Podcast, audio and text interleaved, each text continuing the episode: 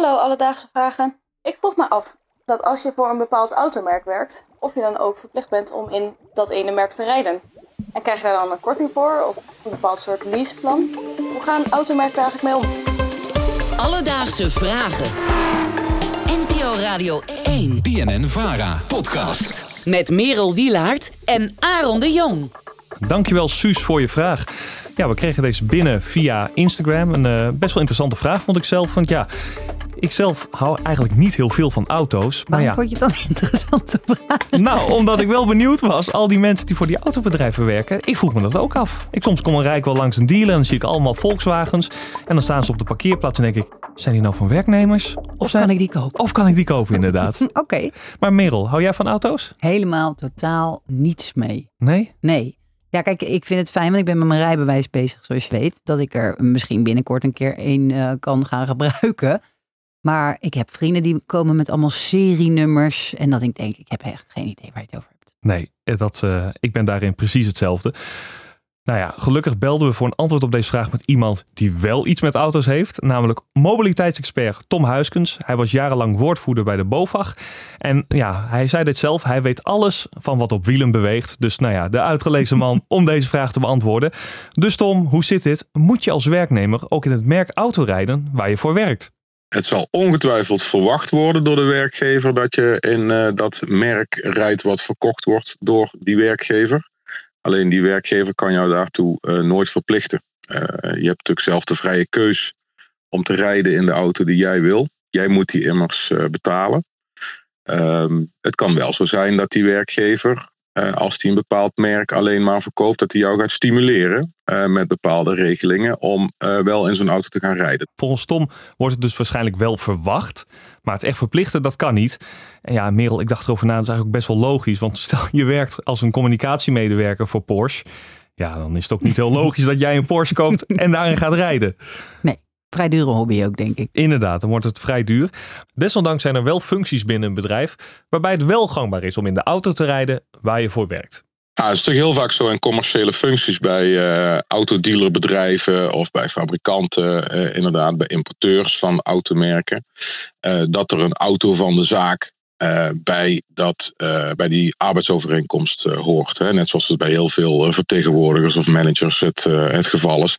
Eh, bij een eh, autobedrijf is het natuurlijk wel heel vaak zo dat dan een eh, verkoper of een vertegenwoordiger die moet dan kiezen uit wat er op dat moment beschikbaar is in de, in de voorraad. Dus het kan best zo zijn dat hij elke maand in een andere auto rijdt. En de fiscus die kijkt mee over de schouder. En je zult daar dus de bijtelling over moeten betalen en nauwkeurig over moeten bijhouden. En anders dan kun je een flinke naheffing gaan krijgen. Alledaagse Vragen. Merel, we hoorden Tom net dus ook over arbeidsvoorwaarden. En voor deze aflevering heb ik eventjes op internet lopen speuren. Want ja, we gaan naar iets waar jij eigenlijk niet zo fan van bent. Eh, we gaan namelijk naar de wereld van het professionele voetbal. Oh, nou ja. Hoezo ben ik daar geen fan van trouwens? Nou, jij bent eh, geen sportfan, toch? Nou, ho, ho, ho. Ik eh, kijk heus wel hoor, als Oh. Nederland moet Oké, oké. ja. Ik heb dan helemaal niks gezegd. Maar de reden dat ik daar naartoe wil is... Tijdens mijn zoektocht kwam ik daar de meest bizarre arbeidsvoorwaarden tegen. Ehm, ik heb er drie voor jou opgezocht, want er zijn bepaalde spelers die wel een hele bijzondere clausule in hun contract hebben. Mhm. Ik wil even naar één fragmentje luisteren van een van Nederlands bekendste voetballers ooit.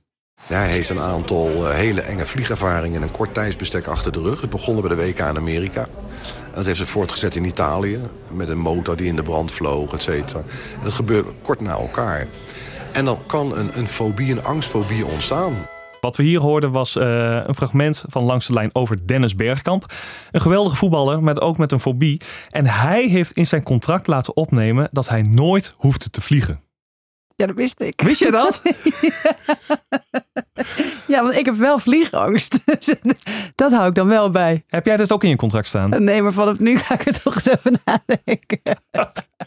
Oké, Eh, maar goed, ik heb meer. Ik ga door. Eh, we hebben namelijk ook Giuseppe Reina. Die tekende in 1996 voor de geweldige voetbalclub DSC Armina Bielefeld in Duitsland. Eh, en hij had een bijzondere eis. Hij wilde namelijk dat elk jaar dat hij voor de club voetbalde, dat de club een huis voor hem zou bouwen. En het leuke is, de club heeft daar gehoor aan gegeven. Maar die man had niet gespecificeerd wat voor huis hij wilde. Dus ze hebben elk jaar een Lego-huis voor hem gebouwd. Wat goed. En Om mee af te sluiten de meest bizarre en ook ja, de meest smerige. Je had de voetballer Spencer Pryor. En die tekende een contract bij de voetbalclub Cardiff City. Dat is in Wales. En de voorzitter van die club destijds, Sam Hammond, die vond dat hij zich wel moest bewijzen als iemand die ook de cultuur van Wales nou ja, zou omarmen en dat hij zo'n goede leider zou worden. En om die lokale traditie te eren is in zijn contract vastgelegd dat hij een schapenbal moest eten. Jezus. Verzinnen mensen in hemelsnaam. De Suus. Moet je als werknemer rijden in het automerk waarvoor je werkt? Als onze expert Tom Huiskens mogen geloven, dan is het antwoord nee.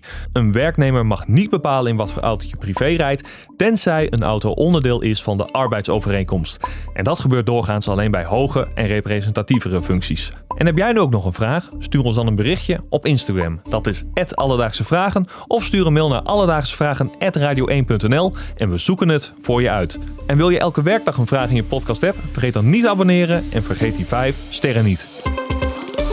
Alledaagse Vragen. NPO Radio 1. BNN Vara. Podcast.